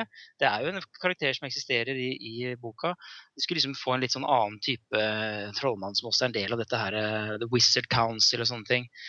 Um, men altså, han har sånn rede i håret, og han synger med fuglene, og han, han, han kjeler med pinnsvin som snakker, og uh, kjører av gårde med sånn hare, harepusvogn. Uh, Altså, det høres jo latterlig ut når du, når du Ja, det er det som er så funny. når du gjenforteller det. det jo, jo, men, jo, men det, det, OK, så er det ikke sånn, men de, de sprer jo litt ut, da. Det, det gjør det for så vidt greit. Men, men, eh, hver gang han kommer inn, så blir jeg liksom dratt litt ut av den uh, Ringenes herre-tonen som han har klart å bevare i, i filmen for øvrig, syns jeg. Uh, så jeg synes at alle de sekvensene med Radagast og Brown de er ok, de er nødvendige for fortellingen, men de kunne vært gjort litt mer elegant uh, for å inkorporere det i Men jeg sitter også litt med følelsen at han kanskje kompang... Jeg kjenner ikke han figuren så godt fra Jeg husker ikke Nei, jeg husker nesten ikke. Husker jeg nesten ikke fra boken. Nei, men, men jeg, jeg, føler litt For jeg, jeg, husker jo derimot at uh, i de, de første, den første trilogien så, så droppa det jo en, en eh, person fra bøkene som var litt av den typen. Han Tom uh, Bombadil. Mm. Som, var- som var en sånn tre... Den uh, hippie-karakteren liksom i, i Ringnes. herre. Så for liksom å kan være mulig at man kompenserer litt for det her ved å, Ja, ved å dra trekke inn en sånn Jeg, jeg, jeg vet ikke. Jeg bare følte at hele den sekvensen med hytta og de, de store edderkoppene sånn, Det var liksom litt Harry Potter-aktig plutselig, eh, midt inni der. Og da ble jeg litt satt ut av det, da. Eh, Jeg reagerte ikke så veldig mye på han. Jeg gjorde ikke det. Jeg hadde kanskje mer problemer med at hvis vi først, nå, nå fortsetter vi på detaljlinjen. da. Jeg tenker sånn, Han har sitt, øh, men han er, bidrar jo også til å øh, utvide litt, da. Det, for å komme med en positiv ting. Eh, jeg som ikke da har noe særlig kobling inn på Tolkien-universet, i og med at jeg bare har lest Hobbiten, så føler jeg at i filmuniverset, filmuniverset av Tolkien, så så tenker jeg da at han og dette litt sånn der kontakten med naturen og de tingene han eh, representerer, så, så utvider det litt for meg. Det, det, det, det forteller meg også litt om at ting var litt mer sånn naturaktig før dette mørket senket seg, som da Ja, for det har jo det med de her treentene, ikke sant, som en forlengelse av den eh, Ja, altså, jeg, jeg skjønner akkurat det. Jeg skjønner Det er en viktig del av fortellingen. Men jeg syns uh, iscenesettelsen av den tematikken du nevner der, Karsten, ja. den syns jeg kunne vært gjort litt mer elegant og litt mer inkludert. da. Det er det eneste. Og, ikke sant? Men det, helt ned på superspesifikke ting, så tenker jeg at en liten justering av instruksjonen ville hjulpet en del for oss. Men hvis man ser på det som en barnefilm, så tenker jeg at når han eh, leser inn en formel og henter ut de mørke kreftene av det døende Ja, det var jo fint. Mm, men det var eh, fint. det, så skjeler han. Det syns barn sannsynligvis er ganske morsomt. For han tar et trekk av den pipen til Gandalf og blir liksom Og, og, og drar på en sånn utrolig klovnete uh, maner. Jeg hadde- jeg hadde bare forventa en sånn lyd, sånn plang, eller sånn som kom. Skjønner du? ikke sant? Jeg, jeg tenkte også det. Jeg tenkte også at ok, dette er ikke for meg, tenkte jeg da, i de sekundene det varte. Og så hører jeg folk hygge seg rundt meg, og så tenker jeg jo at Hobbiten er nok også litt annerledes enn det vi var vant med. Mm. Pro eller Fordelen er at jeg syns ikke noe av det var direkte dårlig. Jeg tenkte bare at det var kanskje ikke helt min smak. Det var litt sånn utenfor komfortsonen for hva jeg syns er kult inne i Ringenes herre-universet. Men det problemet ble såpass uh, underordnet at jeg hang meg liksom ikke opp i det i det hele tatt. Og ved andre gjennomsyn så tenkte jeg jo ikke på det engang, for da visste jeg jo at det kom. Ja, jeg syns jo filmen er fenomenal, det har jeg sagt, men, Ja, men ja. det var det eneste som jeg kan trekke derfor det er gøy å snakke om detaljer nå, egentlig, fordi vi, vi er enige om at det er en ganske su- super film. Men eh, sang og sjøgleri og raping og sånn eh, er vi helt med på. Ja, vet du hva, jeg tenkte på det der med han eh, dvergen som tar den lange rapen. Kan han Var han liksom et barn? Om han var et barn? Ja, men jeg lurer på sånn Dverger i Midgard, dette universet til Tolkien. Når en dverg, veldig ung dverg Han har vel også skjegg og ser liksom dvergete ut. Jeg lurte på kanskje han var et barn, og at det kunne forklare litt mer hans oppførsel gjennom hele filmen. For han var den dvergen som egentlig overfladisk sett irriterte meg mest. Men så oppførte han seg jo egentlig helt som et barn. Ja, det har jeg ikke tenkt over. Så jeg tenkte kanskje hvis han var sånn 13-14 i sånn menneskeår, så var det egentlig kanskje greit at han oppførte seg litt corny. Jeg, de, jeg trodde de likte å rape og ha det gøy. Jo, men de andre var liksom sånn Det var jo veldig stor aldersforskjell mellom de forskjellige dvergene. Det satte jeg også litt pris på. At de ble skildret på litt sånn forskjellige De gamle, kloke, liksom. Altså de unge, han med pil og buen som er litt sånn ung og, ung og Ja, skal altså, og ikke minst at noen av de er kjekke, liksom sånn normale, sånn som han sjefen. Eh, Thorir, eller hva det heter. Nå. andre var helt forvridde og Mens De andre var helt knu, knugete i ansiktet. Og alle sammen er, alle sammen er med og tar oppvasken. ja, På sånn herlig koreografert vis. Jeg likte den. eh, Og jeg, jeg likte hele den første sekvensen så godt, altså. Jeg gjorde det. Det var, i, det var etter mitt syn i veldig positiv forstand en referanse til 'Snehvit og de syv dvergene'. Ja, ja, selvfølgelig. Ja. Det synes jeg var helt fortryllende når de begynte liksom Oi, blir dette et lite musikknummer? Det synes jeg var Ja. supert. Den sekvensen syns jeg for øvrig Apropos den sekvensen syns jeg var utrolig mye bedre i 2D enn i det der high frame rate-greiene. Ok. Akkurat den. Jeg følte at high frame rate eh, der, eh, var på sitt svakeste i sånn halvnære bilder inne, sånn interiørt, ting er i bevegelse. Ja, men det, er- det er der du får litt den der kulissefeelingen. Da altså. får, ja, da får det den der litt sånn TV-dårlige greia. Og high frame rate var superbra i de F.eks. når de har slått leir på den eh, liksom lille knausen, og han gjenforteller dette andre flashbacket når han kutter armen av han uh, goblinen. Når de sitter Vet du hvilken Ja, ja, ja. Mm, mm. Den biten der, der er det noen sånne ikke altfor store totalbilder, men sånn mellomstore totalbilder med ganske mye dybde i seg. Da syns jeg den 3D-effekten var helt fenomenal. Så jeg syns det varierte veldig. da. Det var ganske morsomt å se den andre gangen med den effekten, for da kunne jeg slå meg mer til ro i forhold til selve fortellingen og forventningen og sånn. Og så kunne jeg mer observere hvordan teknologien fungerte. Ja, det er smart sånn sett. Ja, så det var, det var veldig interessant. Jeg gleder meg. Jeg tror an, Neste gang jeg ser den, så blir det nok i den 3D-varianten. Jeg var, apropos det, jeg var også veldig imponert over eh, rent sånn ting som man naturligvis regner med blir bedre og bedre år for år, altså, men av de digitale figurene og motion capture eh, eh, Altså hva man har klart å få ut av de disse figurene. altså Alt fra da, trollene og sånn Goblin-kongen og og ja, til en viss grad han, eh, han engineeren fra Prometheus Er han der òg? Nei, ja, han eh, er så mista armer. Eh, og Det var- Han, ja, ja. Sånn. Men også, altså Jeg syns det var veldig gøy, jeg. Ja, det var, det var fint. Men eh, det er noen sånne fantastiske skapninger i, eh, her, altså, som eh, som jeg, jeg bare kjøper mer og mer. Altså blir mer og mer eh, eh, måte imp glad og imponert over å se. Da. Og jeg syns også de her ulvene var helt eh, fantastisk kule den gangen her. Eh, Mm.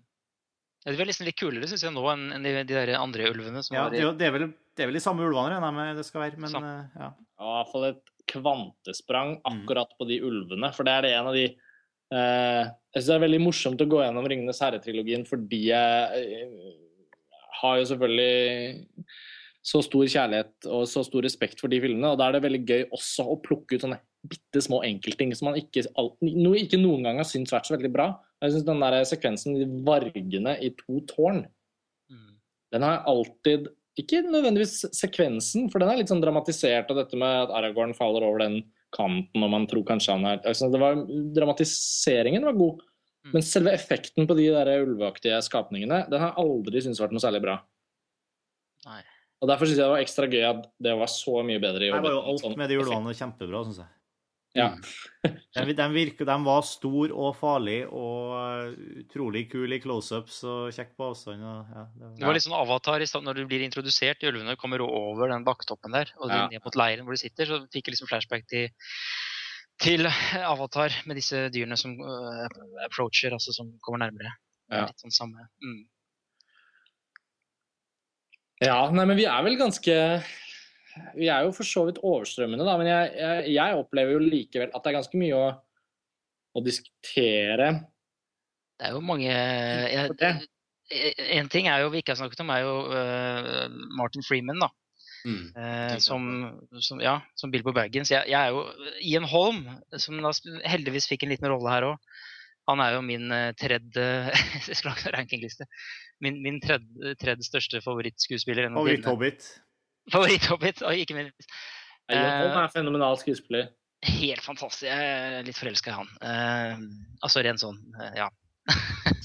og jeg syns at, jeg syns at uh, det var så fascinerende å se på hvordan liksom Martin Freeman eh, kanaliserer Ian Holm. da. Det, det forelsker jeg meg litt i gjennom store deler av filmen. Men samtidig var han selvfølgelig eh, Martin Freeman eh, også oppi det hele. Så eh, jeg var veldig glad i den, den tolkningen som han gjorde. Ja, jeg syns han var veldig bra. Eh, passer bra som den litt bortkomne hobbiten i begynnelsen der. Men så er han liksom en helt i støpeskjeen, da, eh, så Mm. å si. Han liksom eh, myker, mykner opp etter hvert. og og kroppsspråket hans er veldig morsomt, syns jeg. Samtidig som han ikke han blir ikke helt den der karakteren som han spilte i The Office, liksom. Men, uh, Nei, men det er noen små elementer her, kanskje. Ja. Noe med de, den fingeren opp. For Ja. liksom Jeg har noe å si. Og, ja. Sånne, sånne småting, da. Så, Men, men den er litt sånn dis- halvdistré, Ian Holm-aktige, flakkende blikk. altså Ian Holm er jo Mm. litt sånn lik Anthony Hopkins på mange måter. At han klarte å fange det, det synes jeg det var liksom så fascinerende da, gjennom hele filmen. mm, ja, jeg ser den. Jeg syns rollebesetningen er, uh, er veldig bra. Altså, Peter Jackson har jo jevnt over vært veldig god på casting. Uh, Han har jo brukt, brukte jo skuespillere i 'Ringenes herre'-trilogien som var helt fenomenale der, men som viste seg å ikke ha evner som skuespillere utover det i det hele tatt. Og det er noe med det at han finner figurer som, som klarer liksom å innta dette litt sånn derre merkelige universet. Det skal, det skal liksom på en måte både være hyperrealistisk innenfor det at det er fantasy, Mm. Uh, og det å f.eks. Legolas ikke sant, Orlando Bloom Han er jo en helt glimrende skuespiller for å spille en sånn type alv. Men det har jo vist seg at han ikke egentlig har et sånn stort register når det kommer til å befinne seg i helt vanlige filmunivers.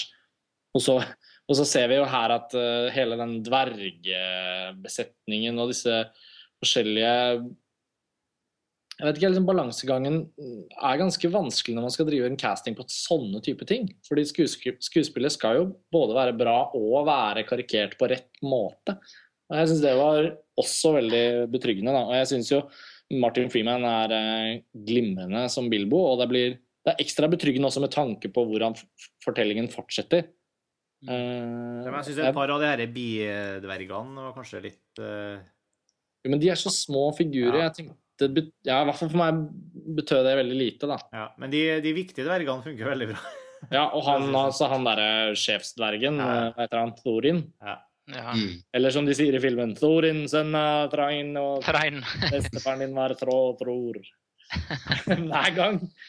Han var jo ordentlig karismatisk, skikkelig ledertype. Han minnet meg veldig mye om Aragorn da. Og Viggo Mortensen. Når vi, når vi drar den parallellen mellom Ringens brorskap og og denne første Hobbiten-filmen, så er det jo veldig mange ting som, som overlapper, syns jeg. Ja. Fascinerende å se, se, Christopher Lee også. Hvor gammel er han? 95 eller noe sånt? Ja, jeg og, at han lever. Mm. At han lever og spiller så bra. og Han har sikkert gjort et eller annet digitalt eller makeup så han ser yngre ut faktisk nå enn han gjorde i originale Eller de, de tre første, da. Ja, De hadde gjort det litt på Ian Holm også, syns jeg. Og det, det skjønte jeg ikke helt hvorfor de gjorde. Fordi der hvor han er med, er vel basically bare noen minutter før eh, Ringens brorskap eh, begynner. Jeg syns ja, han, han, så litt sånn Det så ikke helt riktig ut for meg. Jeg tenkte litt på det med Gandalf òg, men Men altså, Gandalf så jo eldre ut her enn han gjorde i de forrige filmene. Det er ikke så rart siden han faktisk er mye eldre. Men enkelte andre skuespillere så jo nesten altså, ja. Brodo ser jo like ung ut som for ti år siden. Og ja. Ian Holm ser jo også heller ikke noe eldre ut her enn i det, trikket med disse alvene, da, med, med, med han uh, Elron og Galadriel, altså ja. Ketchet og Hva heter han? Hugo. Weaving. Hugo, Hugo Weaving. Mr. Som, uh, Anderson. Mr. Anderson, ja. Surprise to see me? Ja. Ja. Men jeg, jeg syns de hadde klart å få det. Det er jo selvfølgelig det er mye baklys, og det er, ja, det er alt mulig rart som de har klart å få til. At de ser unge ut fremdeles. Mm. Så ja. ja. Nei, jeg hang meg ikke så veldig mye opp i noen av de tingene sånn i det store og det hele. Jeg syns jo Jeg synes det var helt, helt fantastisk med Gollum. Ja. Den biten. Både fordi at det var jo faktisk den tingen i boken jeg likte aller best da jeg leste boken. Jeg synes det var da kjente jeg jo Gollum som filmkarakter, så da så jeg for meg på en måte Andy Circus uh, versjon av Gollum. Men, men, den scenen sånn som fremstår i Hobbiten, er altså så bra. Jeg syns den var så morsom, jeg synes det var rørende, akkurat sånn som de beste Gollum-sekvensene i 'Ringenes herre'. Og så veksler, veksler det mellom denne sympatien og antipatien som de hele tiden har for ham. Altså, den ja, ja. å bevare. Mm.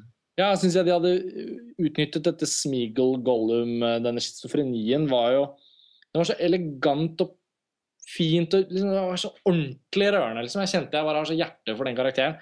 Og det må jeg bare nevne altså, da jeg så den fullpakket sal, liksom da, eh, i det øyeblikket hvor Gollum tusler inn bak i bildet, og vi ser refleksjonen på øynene hans, så var det liksom som om hele salen så igjen en gammel venn for første gang på flere år.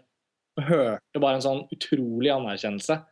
Det, jeg, det, det, det skal man ikke undervurdere hvor, hvor ekstremt eh, glad Eller liksom hvor, hvordan den karakteren betyr så mye for så mange. Da, hvor, hvor stort inntrykk den har gjort. Mm. Så ja, det syns jeg var ja. Filmhistorisk veldig viktig eh, ja, figur òg, liksom. Som ja. digital personlighet. Ja. Og litt snodig at ikke han hadde større gjenkjennelsesfaktor i forhold til det faktum at, uh, at det er en hobbit han møter, i og med at han var en hobbit selv. Men det er jo ting som utforskes selvfølgelig mer i 'Ringenes herre', da. Eh, Så Ja, men, men hvor mange år er det som har gått der, da? Jeg husker ikke akkurat det, men det var vel noe sånn 600-700 år eller noe sånt? ja, jeg husker ikke heller.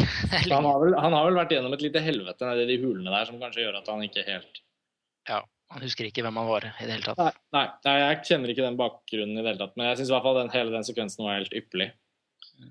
Um, Jeg føler at vi, man driver Jeg, jeg liksom tenker De som eh, For å snakke liksom de som eh, altså det, det er på en måte man, man, Det er jo det samme her på mange måter. Man forlenger universet, man gjør, besøker de samme tingene, og man er tilbake i verdenen. Men liksom, det her er på en måte Det her er filmskaping, syns jeg, som Som eh, ne- faller inn i et sånt rom mellom det vi kjenner som klassisk kinofilm, og på en måte det som er stadig blitt stadig viktigere de siste årene med, sånn med TV-serier og sånn langformat. Altså at man bygger verdener så sakte og har så lange filmer og i serier at, at det er et eller annet med med, med 'Ringenes herre' som føles veldig sånn viktig i, for meg i hvert fall, i, i det som jeg ser nesten som sånn uunngåelig oppløsning av, av kinoen som sånn øh, eneveldende øh, vi, øh, ja, presentasjonsformat for film. da. mm. At, at jeg føler at uh, 'Ringenes herre' er noe av det som kanskje mer enn noe annet eh, gjør liksom vik, sånn fortellermessige, viktige, store ting da, i forhold til, til, til å sveve mellom kinofilm og, og, og TV-serier. Ja, jeg har ikke tenkt på den parallellen. jeg jeg bare tenker på når det, For det er så utrolig mange timer her, ikke sant? Og jeg- vet jo de som, de som ikke er fascinert av universet hele tida, har jo ganske lite å hente her, egentlig. Um, det jo, jeg snakker jo med mange som, som ikke kan egentlig har noe til overs for, for det her universet i det hele tatt, og da er det jo Du må jo like fantasy, i hvert fall. Ikke sant? kunne...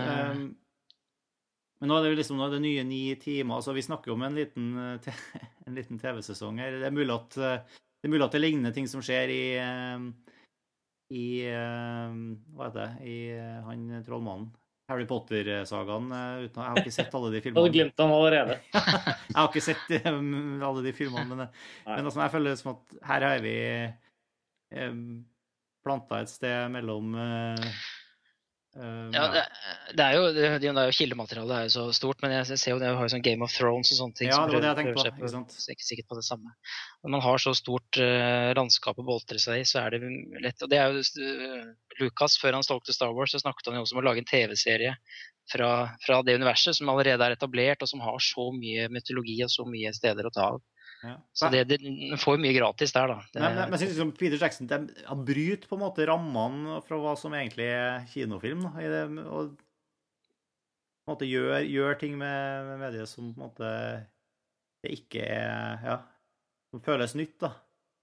mm. Det, det som i hvert fall føles annerledes også i forhold til andre filmer, det er jo en av de tingene vi har vært nå allerede litt inne på. Det er jo det at han Det er på en eller annen merkelig måte sånn at han har nedprioritert Akkurat som veldig veldig sånn arty filmer gjør, så har han merkelig nok nedprioritert plottets fremdrift overfor lange sekvenser i stemnings... eh, altså med miljøer og la Ja, karakterer utbrodere og sånn. Det er jo egentlig litt fascinerende at en film som sikkert i hvert fall alle haters vil jo kunne eh, bryte ned Hobbiten og kalle det en, en pengemaskin og alt det der. Det er det jo også, på en måte, for den kommer jo til å tjene helt uhorvelig mye penger.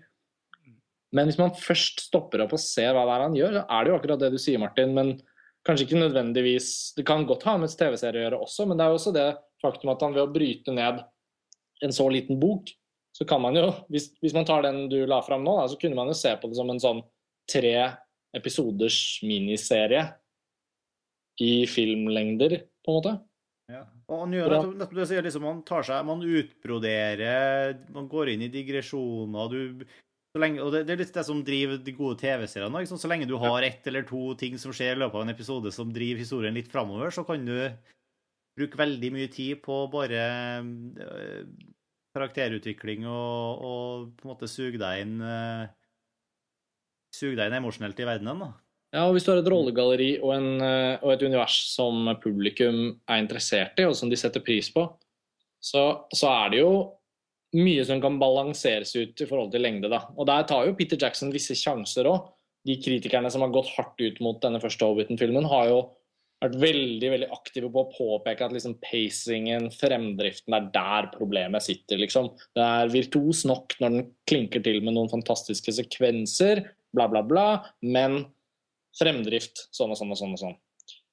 Helt, jeg skjønner ikke det. Folk har kritisert, sier, De sier at den er kjedelig liksom, den første timen, og så tar den helt av etter hvert. Og, og sånn. jeg, jeg, er så glad for at den første timen er akkurat sånn som den er. Ja. Ja, eh, rent fremdriftsmessig. At de dveler Jeg vet ikke hvor mange minutter de dveler i, i, i, i, The Shire der, men jeg er så glad for at de gjør, gjør det.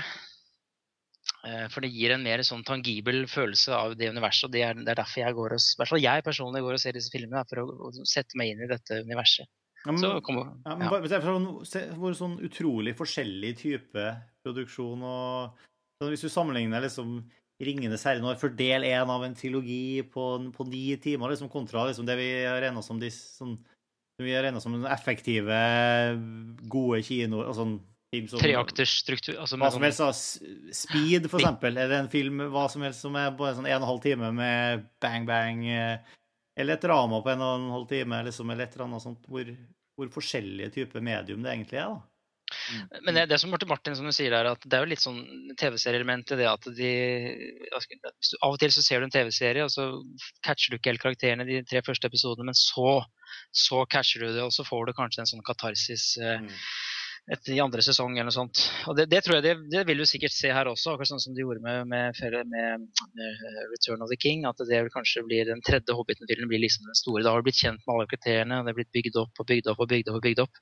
Så får du denne utløsningen til slutt. Så, så jeg, jeg, ser den parallellen der, hvis, hvis, det var det du tenkte på. Ja, ja, det er akkurat det at du og da er det selvfølgelig, Det hører jo med til TV-serier at du, da må du leve med en og annen fyll, fyllepisode eller en eller annen uinteressant Ja, som du setter mindre pris på. Mm. Ja, ja. Nei, men var, vi høres jo eh, det er, det er, jo ett et element til da, vi bare må sveipe innom. hvert fall. Ja. Det er jo dette med, med musikken. Howard Shore. Mm. I hvert, fall, hvert fall to setninger om den. ja, også eh. her ut, ut, jeg, jeg, også er jo mindre faglært i det, men jeg, jeg har merket at her var det som du, du nevnte jo i stad, at her har du de her ledetemaene for de forskjellige så, du, kjenner, du, du, husker jo temaene fra de forrige filmene, men de kommer jo ja. inn eh, på de rette tidspunktene og i variasjoner. Eh. Ja, det gjør det. Også, ja. og dette er jo prequels, så litt sånn som når John Williams skal høre prequelene til Star Wars, så etablerer på en måte Shaw eh, frøet for en del av de temaene som på en måte utvikles i 'Ringenes herre', bare motsatt. ikke sant? Mm. At han komponerer Hobbiten etterpå. Så, og, og det, det, som var litt fascinerende her, syns jeg var spesielt dette dvergetemaet som etableres ganske tidlig i denne, i denne, stua til Bilbo, hvor de synger veldig vakker scene, hvor de mm. synger a cappella. Ma, ma, ma, ikke sant? De synger dvergetemaet. Det er jo det nye temaet her. Det nye, ja, riktig, helt riktig. Og så brukes det etter hvert som, nærmest som fellowship-tema i denne filmen. Og så over sånne transportsekvenser over fjellet og sånn, i sånn heroisk versjon. Og, og, og, så går det liksom gjennom, gjennom hele filmen. Så, så jeg, og masse av de, gamle, kjente temaene dukker også opp igjen. Så jeg, jeg syns det var ekstremt godt håndverk eh, med ledemotiver og alt dette her i filmen. Jeg, jeg syns jo at soundtracket er en skandale, men det er en, det er en, det er en annen diskusjon. hvorfor det? Nei, det har noe med presentasjonen hans å gjøre. At han eh, presenterer den så lang og velger ut rare spor og kronologisk rekkefølge og sånn som ikke funker som lytteopplevelse, da. Men, eh, men det funker Nå snakker du om utgivelsen? Eller? Nå snakker jeg om soundtrack, CD-utgivelsen av ja. musikken. Mm. Eh, det er, som jeg ikke syns funker i det hele tatt. Det, okay. Men det, altså det ligger et kjempebra 50-60 minutters program eh, i, i, i, soundtracket, men han valgte å gå en annen vei. Men i filmen så er det helt fenomenalt, syns jeg. Mm. Det var oppsummeringen. det, mange, det, nei, men jeg synes, mm, det er så mye flott musikk i den filmserien Sorry.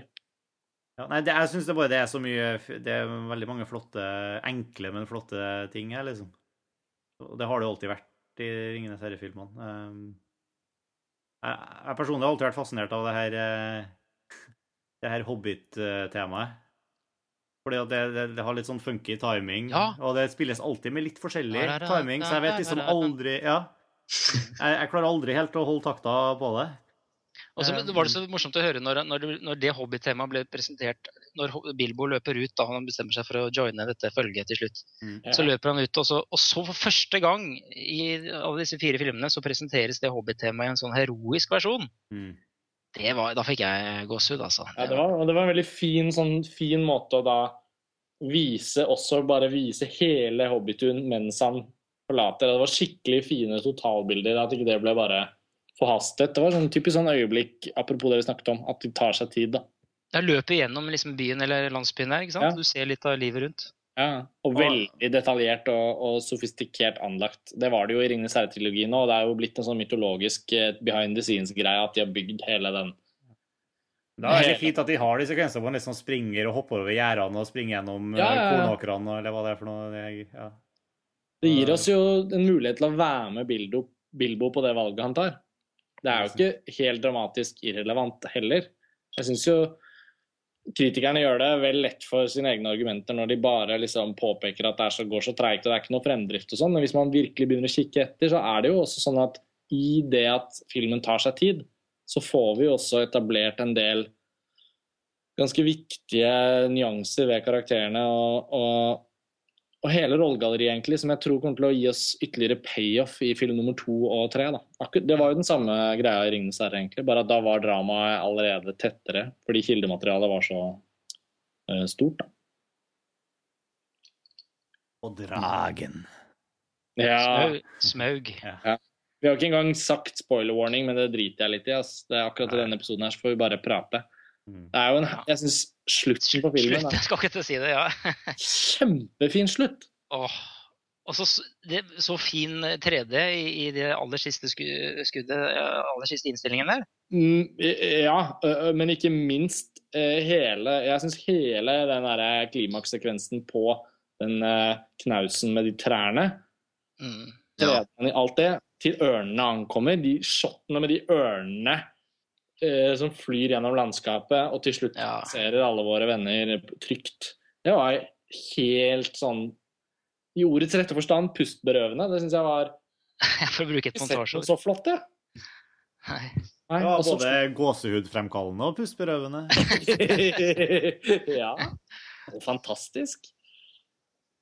Ja, nei, men det var det jo. Mm. Og så den siste med den fuglen og med- sneglene. Veldig sånn snedig måte å gjøre det på. Kjempefint, og det var så elegant. Det er da man kjenner at man er i hendene til en stor filmskaper. Man vet jo, men det er sånne småting som jeg syns gjør det bare sånn mm, åh, bare sånn helt superkult gjort. Den begynner å hamre den lille snegleskallet mot uh, fjellet, og så er vi inne, og så er det Makro, mikro, ja. Ja, det er så perfekt. Jeg syns det er glimrende. Og det er sånne ting Sånne ting overdøver jo alle de små svakhetene. Eh, vi kunne brukt mye tid på å snakke om en ting til som jeg hadde problemer med, men, men nå som vi liksom er litt i den eh, tonen og det tempoet vi har vært i nå i samtalen, så føler jeg det er sånn dumt å ta det opp, da. Men eh, Ja, nå fikk jeg ikke noe lyst til å høre hva det var. Sånn, nå må jeg, jeg, jeg synes, En av de tingene jeg tror jeg kommer til å synes er sånn kjedelig, det er det at Jeg var jo så vidt inne på det tidligere. Jeg, jeg er ikke helt fan av at noen av vesenene som ikke nødvendigvis trenger å ha uh, trenger å snakke engelsk, at de er besjelet så kraftig. Jeg syns disse trollene Mm, sånn, ja. som vesener syns jeg de er flotte. Effektene helt supre. Men jeg liker ikke at de er besjelet sånn veldig menneskelig. At de snakker om forskjellige typer oppskrifter. Og at liksom det, og det, ikke, det kan godt hende det er i boka, det driter jeg i. Jeg syns ikke det funker i denne filmen. At de er så veldig detaljerte. Forskjellige typer dialekter. Han ene har litt sånn tynn stemme, han andre er litt sånn mørkere. Er sånn, for meg kunne de fint bare vært troll og ikke sagt et ord. Og så kunne heller Peter Jackson fleksa den stumfilmmuskelen sin, evne til å fortelle alt det. Ja, men jeg jeg er litt enig. da. Jeg- De føles mye mindre som ekte mytiske skapninger, og mye mer bare som sånn eh, karikerte verste- mennesker med noe fysiske Ja, på det ja. verste så kommer de, er de snytt ut av sånn dårlig Hollywood-animasjonsfilm som vi har i dag. Sånn herre alle mulige dyr og vesener som skal være sånn herre selvironisk, popkulturelt refererende løver eller bjørner eller pingviner eller for faen. Jeg hater alt det der. Ja. Men, men de var jo også fantastisk bra eh, skapt likevel, til tross for det. Men, Ja da, og det, er, og det var nok en gang, altså det ødela jo ikke så mye. Men jeg, jeg, jeg, merker meg at her er det gjort et skifte. At isteden øh, Jeg syns jo det trollet i, i Ringens Ja, det var helt fantastisk. Det kommer inn og bare er sånn hjernetomt rett på Ja. ja. Ja, det er jo- ikke sant? Det er jo mye Ja. kulere, for det sier jo ingenting. Og til og med i den scenen, uten å si noen ting og bare være brutalt, så føler jeg litt for det. Nettopp fordi at orkene har hatt en lenke rundt, eh, rundt Mm. beinet på det. Og når det til slutt liksom blir senket, så har det en litt sånn døende lyd der. Sånn. Og så er det litt sånn Det er holder, det. sånn King, King Kong, liksom, aktig. Ja, litt. Og nå, med, nå her i Hobbiten, når de tre trollene skal ikke Og de skal snakke om mat, og de skal snakke om hvordan de skal gjøre det og det, og de, og de snakker om at 'Å nei, jeg vil ikke bli til stein', og så Ja, altså- sånn, å, De hadde så mye meninger om alt, og det syns jeg ikke funket i det hele tatt. Det blir nesten som de eh, fjellkjempene skulle begynne å liksom Ja, får kjøpe meg nye fjellsko, ja. Skulle ha noe nytt, eh, nytt, nytt klatreutstyr og ny allværsjakke og eh, Ja, og jeg hadde litt det samme problemet da med denne goblin-duden, feite dobbelthake-fyren. Han, han minna meg litt om eh, han eh, Mike Myers-karakteren fra Austin Powers. Han eh, Fat uh, Fat Fatso, hva heter for noe. Fat Bastard. Ja. Han ligner litt på han fra Pirates of the Caribbean, han, han skurken med blekksprutehåret. ja, han var jo, han var jo en king karakter. Ja, ja, han var kul, da. Men, Nei, men så like- denne- ja. Jeg, jeg frykter litt denne, denne vesenbesjelingen. Mm. Og at de skal snakke engelsk og sånn. Altså, han derre virkelige bad guyen, han hadde i det minste sånn goblinspråk. Og det Altså er virkelig, virkelig bad guyen, det syns jeg faktisk Eller på en måte som kanskje er den virkelig, denne, denne nekromanseren. Han Ja, han... jeg var en fascinerende type. Eller det- skikkelse. Men det ble... er ikke det basically Sauron, på en måte? Eller? Det husker jeg ikke. Jeg, jeg tenker liksom at det er det. At det er vel Det er Det er kanskje vel sånn der- som var lagt opp. Ja, Det var jo de der ringstrømpene som sto der, Mm. ikke sant? Og, så, og, og den borgen er jo det som blir til Saurons hovedkvarter i Ringenes herre. Det var sånn jeg leste det. Det var veldig gjenkjennelig, i hvert fall. Mm. Ekromonster er Sauron, da. Det husker jeg ikke, faktisk. Så det, Det det, har vært veldig kult. den plantingen der, ja, ikke sant, Sveinung? Det, det likte jeg liksom at Da ble det plantet at her begynner Her er det et eller annet som holder på. Men fordi at de andre karakterene som da Når, når Radagast nevner det, og når eh, Gandalf tar det med til det rådet, så er det ingen som Nei, nei, det kan ikke, nei, det kan jo ikke stemme. Mm. Altså, sånn, de tar det ikke på alvor. Jeg, jeg likte da hvordan Saruman plante som en litt sånn sur, gammel gubbe som bare ikke tar trusselen på alvor. Og så vet Nei, han, vi, han følger reglene, liksom. Han sånn ikke sant? Og så vet vi senere at han lar seg friste og skjønner at OK, jeg må være på lag med de slemme, liksom. Alt det der likte jeg så godt. Mm. Mm. Um, Ja, det får vi helt sikkert se mer av med han nekromanseren i- videre. garantert. Jeg, jeg, jeg synes det er veldig altså, Det er så mye som kunne gått galt, som ikke har gått galt. Og det er så mye som er bra på en sånn god gammeldags måte at uh, jeg opplever at denne første filmen har eh, satt en tone som gjør at vi kan trygt, virkelig trygt se frem mot de to neste. da. Og så gjør den jo den der kjedelige jobben i alle trilogier med at den første filmen må etablere masse greier, og den andre filmen kan bare surfe og være spennende, og den tredje filmen kan cashe inn all payoffen. Mm. Gjerne, gjerne med en sånn 20 minutters avslutning som vi hadde i, i Atter en konge. Det er, jeg, synes, jeg liker sånne lange slutter. Ja, men, du, men, du, men, du, men, men det er vel trygt plantet nå at den tredje filmen kommer til å slutte med åpningen av Ringens brorskap. Ja, det håper jeg òg. Det føler jeg meg rimelig trygg på. Ja. Nå har de muligheten, liksom. Ja.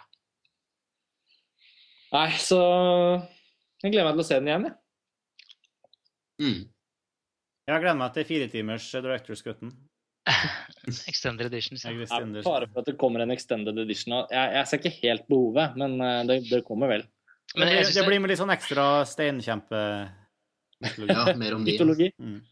Men jeg, jeg synes i hvert fall det er viktig å påpeke det. og det er liksom, altså, For meg så var dette en, en altså, Avatar var en sånn revolusjonerende opplevelse for meg. og Før det så har du andre sånn som Jurassic Park og sånn. Men, men dette var en ny, et nytt ledd altså, i måten å oppleve film på, som er liksom skreddersydd for sånn jeg liker å oppleve film. altså Ja, jeg helt- Visuelt helt og veldig å suges opp i universet og sånn.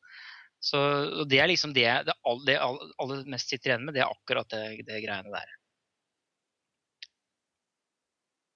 Ja. Skal du se den i high frame rate da, Sveinung? Ja, jeg må det.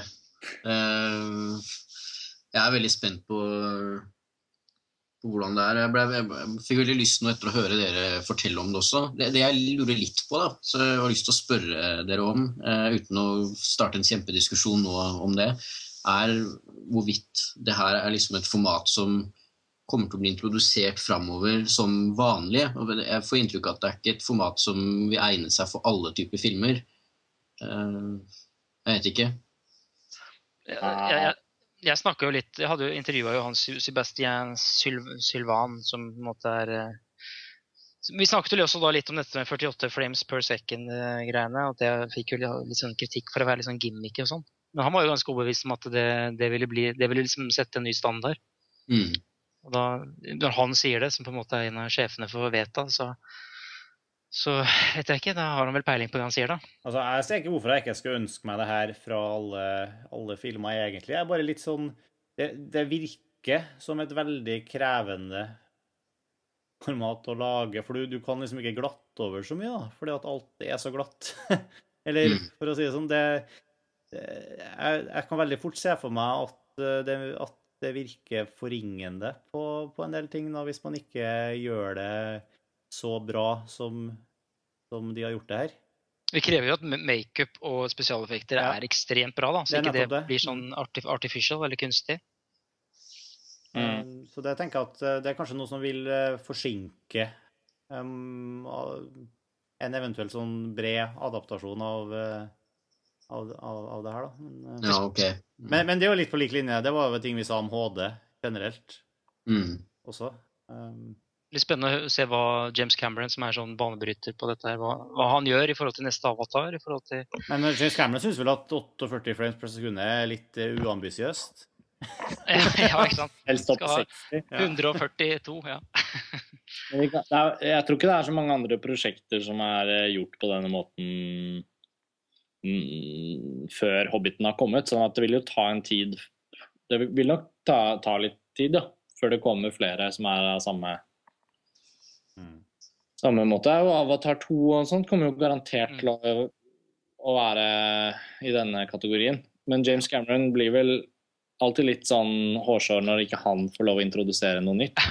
Jo, men da, da pusher han det videre, ikke sant? ja, ikke sant? Så jeg regner med at når Avatar, innen den tid at Avatar 2 er klar, så er det et eller annet enda mer Ja, for det er liksom, det er jo den type nå, Og nå James Cameron har alltid vært sånn, men nå også Peter Jackson, liksom. Ja. For, for hver nye film så skal de på en måte sette et nytt paradigme for, eh, for filmteknologi og film, eh, film generelt, sånn filmmedia, da. Mm. Og på hver nye film så tjener de enda mer penger, så de får enda mer makt til å fortsette å, å utforske teknologien. Nå, nå- nå kommer jo Peter Jacksons eh, Tintin eh, 2, da. Eh, Det blir spennende å se hvordan jeg vet ikke om han viderefører dette til, til den, og hvordan det fungerer i et animasjonsformat. Forutsatt at filmstudioene ikke um, trekker uh, sin entusiasme, så kommer han til å fortsette med det. Han sier jo at dette er måten han ønsker å lage film på. Ja. Han sier jo det. Så det blir spennende. I hvert fall resten av Hobbiten-trilogien blir jo garantert på samme måten, for det er jo filmet på den måten. Eh, og når det gjelder uh, animasjonsfilmer og, og, og sånn som Akkurat sånn som Tintin, da, som er fullstendig animert, så er det jo er det jo sikkert mulig uten de store Det er dette med at det er skutt i 48 frames hele veien nå, da, som er en del av greia. Ja. Og det var, det var den soleklart mest behagelige 3D-opplevelsen jeg hadde på kino noensinne. ja, det er samme her. Helt klart. Det var liksom jeg, Ja, det tok Den slo til og med Prometheus, som jeg var så begeistra for. Ja, ja. Og Av ja, Avatar, jeg vet ikke helt, jeg har ikke bestemt meg ennå. hva som er best. Jeg synes, uh, Hvis man skulle sammenlignet filmopplevelsene, så ville jeg jo fremdeles si at Avatar Jeg syns det var en enda Ja, var større filmopplevelse det, altså. filmopplevelse enn dette. Ja, til syvende og sist så tror jeg også jeg lander der foreløpig. ja, ja. Det var noe med at det var også da et helt originalt og nytt og meddrivende univers. Og, det var, og, og, og nivået på dramaet var jo ganske mange hakk større, da. Eh, Og det har han jo enda mer Han, han kan fortelle en mer bedre, tightere, spissa historie, James Cameron, altså. eh, Ja, Ja. Når man sammenligner når man sammenligner, i hvert fall når man sammenligner denne Hobbiten-filmen og Avatar Ja. eh, jeg, foretrekker jo 'Ringenes herre' fremfor Avatar eh, hvis man må sette de opp mot hverandre, men det må man jo ikke. Men, men Avatar hadde jo det er en bunt med fantastiske filmer innenfor en, en verden hvor det er så mye middelmådig som blir laget. Ja, Men Avatar ga jo oss liksom de første to og en halv timene fra, fra den verdenen, og vi er nå på liksom time ti-tolv i, i eh, Peter Jackson sitt univers. Liksom. Ja.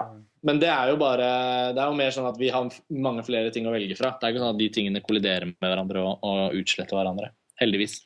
Når kommer Avatar 2, forresten?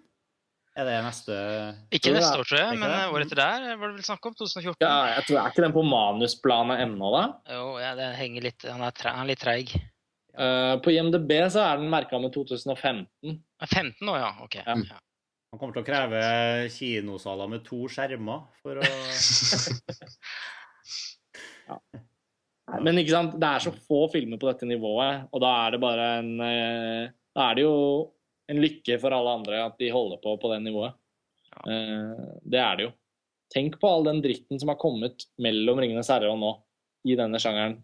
Sånn fantasy Mm. slash big budget slash eh, spesialeffekt ekstravaganzaer. Fy faen. Det har vært Ja, også, også så mye dritt som kommer i Det er også litt i i 3D. altså Jeg skulle kjøpe Ja. Blu- Blu-ray til faren min i 3D, og det er bare sånne barnefilmer og drit. Så er det noen få sånne, sånn som Avatar og denne og Prometheus kanskje, og sånne ting som på en måte Hugo, Hugo. Ja, Hugo, da. Okay. Ja, Hugo, jo, men ikke sant? Og Hugo er litt en annen variant, da, for det er jo 3D brukt i et litt annet type univers. Det er jo ikke en fantasyfilm, eh, selv om det er litt sånn magisk eh, eh, Og sånn som Pina og sånn som er sånn kunst, dansefilmer og sånn. Det fins jo ting som er gjort i 3D som er spennende, men det verste er jo at 3D forbindes med alt det derre Alt det der veldig sånn maskinelle midt på treet. Alle de der eh, forferdelige animasjonsfilmene som kommer og går. Klager å skille mellom dem. Og det er jo følgere i hytte og gevær og og så alle de forferdelige postkonverterte greiene. eh, Clash of the Titans og Wrath of the Titans. Ja, og- masse sånn dritt, vet og alle sånne lyn eh, Percy Jackson, whatever. Øh, det er så mye som har prøvd å cashe inn på det Ringenes herre gjorde så bra. Sånn at Da er det jo befriende når Hobbiten kommer og bare Å ja, det er der nivået skal være, liksom. Ja, ja.